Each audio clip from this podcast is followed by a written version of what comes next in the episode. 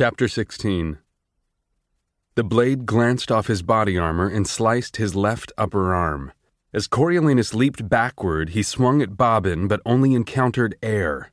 He landed in a pile of debris, old boards, and plaster as his hand searched for some kind of defense. Bobbin sprang at him again, aiming the knife at his face. Coriolanus's fingers closed around a 2x4 and he brought it up, catching Bobbin in the temple hard, sending him to his knees. And then he was on his feet, using the board like a club, bringing it down again and again without being sure where it made contact. We have to go, Sejanus shouted. Coriolanus could hear catcalls now and feet pounding down the bleachers. Confused, he made a move toward Marcus's body, but Sejanus yanked him away. No, leave him, run! Needing no persuasion, Coriolanus sprinted for the barricade. Pain shot from his elbow to his shoulder, but he ignored it, pumping his arms as hard as he could, the way Professor Sickle had taught them. When he reached the barricade, barbed wire bit into his shirt, and as he turned to pull it free, he saw them. The two tributes from District 4, Coral and Mizzen, and Tanner, the slaughterhouse kid, making straight for him, armed to the teeth. Mizzen drew his arm back to throw a trident. The fabric on Coriolanus's sleeve ripped wide as he yanked it from the barbed wire and dove out of the line of fire, with Sejanus right behind him.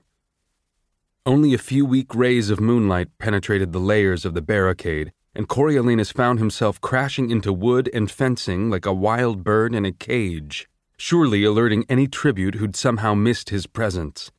He ran face first into a concrete slab, and Sejanus plowed into him from behind, smacking his forehead into the unrelenting surface a second time.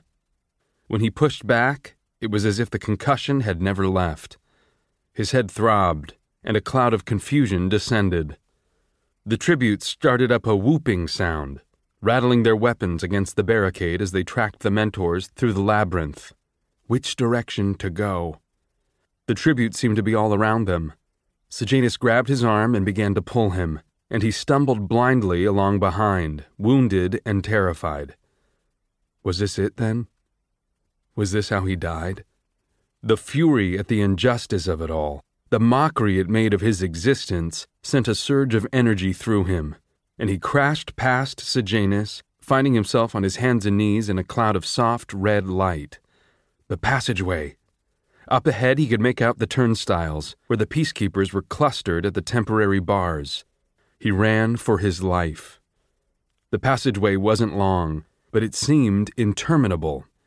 His legs rose and fell as if he were waist high in glue, and black specks dotted his vision.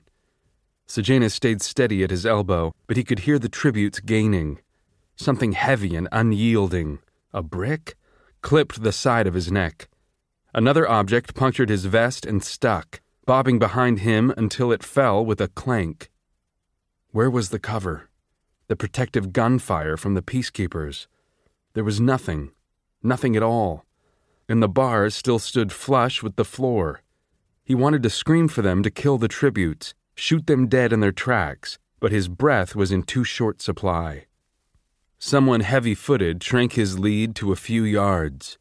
But once again, remembering Professor Sickle's training, he didn't dare waste a second looking back to see who it was. Before him, the peacekeepers finally managed to tilt the unit of bars inward, achieving a gap of about 12 inches at the ground. Coriolanus dove, sanding several layers of skin off his chin on the rough floor, and just getting his hands beneath the bars where the peacekeepers latched onto him and gave a great yank. Lacking time to turn his head, the rest of his face scraped against the filthy surface until he reached safety.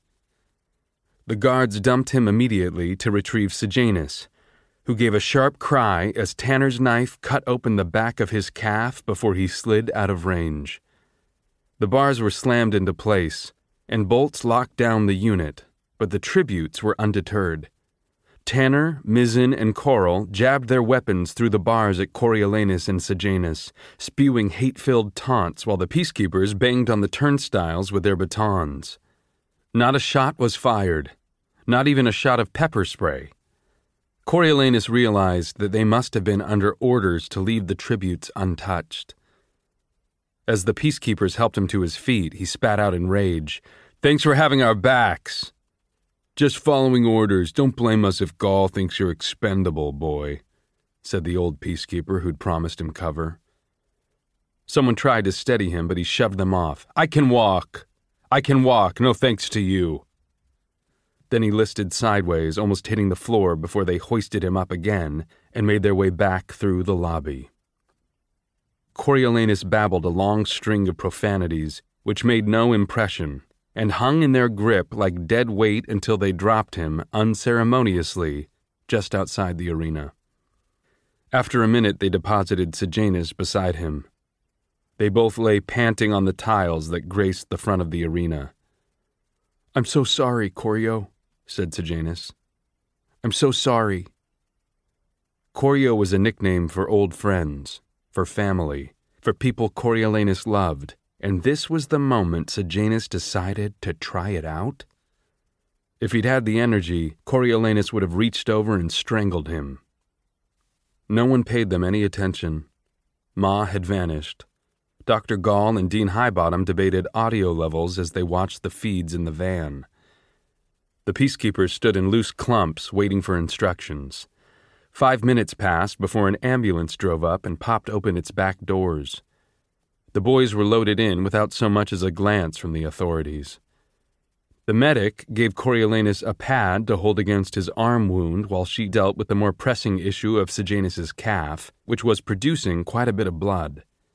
Coriolanus dreaded returning to the hospital and that untrustworthy Dr. Wayne until he saw through the small pane of glass that they'd arrived at the Citadel which seemed twice as scary. Unloaded onto gurneys, they were swiftly transported deep down to the lab where Clemencia had been attacked, leaving Coriolanus to wonder just what modifications they had in store for him. Accidents must have been frequent in the lab, as a small medical clinic awaited them. It had lacked the sophistication for Clemencia's resurrection, yet seemed adequate to patch up the boys. A white curtain divided their two hospital beds, but Coriolanus could hear Sejanus giving one word answers to the doctor's inquiries.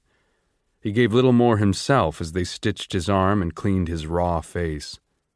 His head ached, but he didn't dare tell them about the rebound of his concussion for fear he'd end up being admitted to the hospital for an indefinite stay. All he wanted was to get away from these people.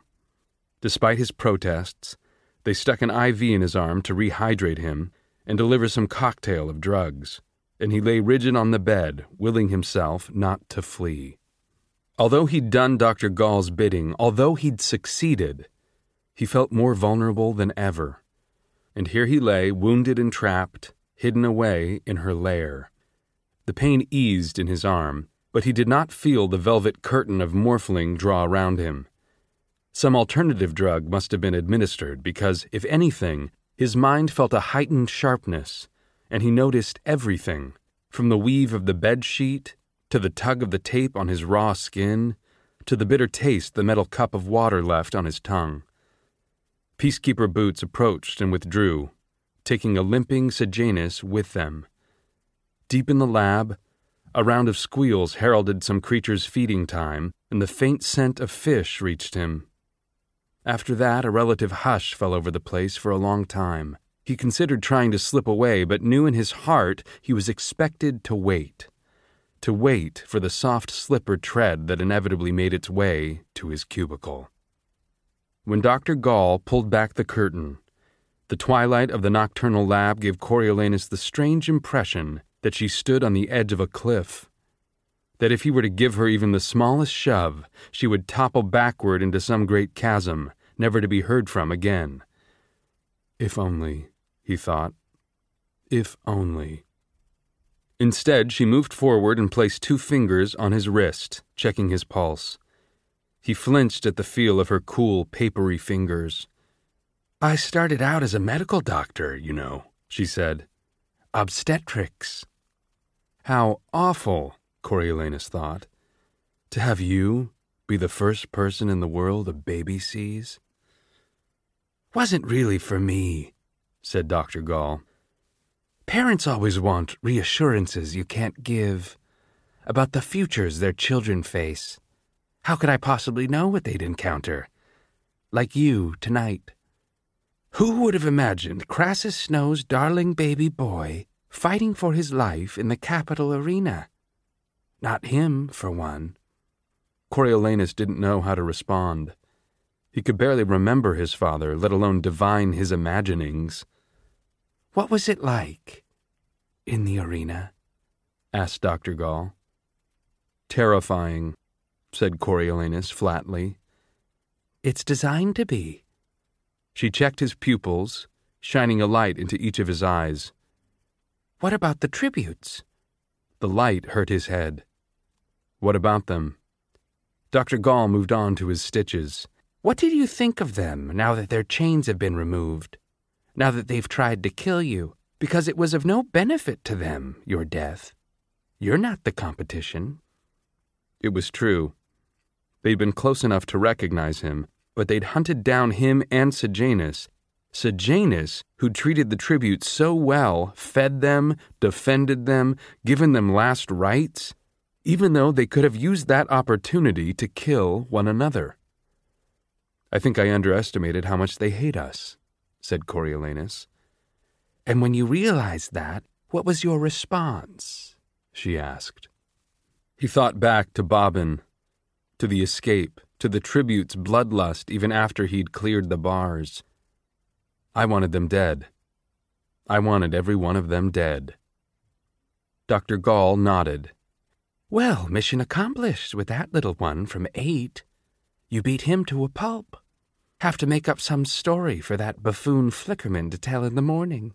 But what a wonderful opportunity for you. Transformative. Was it? Coriolanus remembered the sickening thuds of his board against Bobbin. So he had what? Murdered the boy? No, not that. It was an open and shut case of self defense. But what then? He had killed him, certainly. There would never be any erasing that, no regaining that innocence. He had taken human life. Wasn't it? More than I could have hoped. I needed you to get Sejanus out of the arena, of course, but I wanted you to taste that as well, she said. Even if it killed me? asked Coriolanus. Without the threat of death, it wouldn't have been much of a lesson, said Dr. Gaul. What happened in the arena? That's humanity undressed. The tributes, and you too, how quickly civilization disappears all your fine manners, education, family background, everything you pride yourself on, stripped away in the blink of an eye, revealing everything you actually are. A boy with a club who beats another boy to death. That's mankind in its natural state.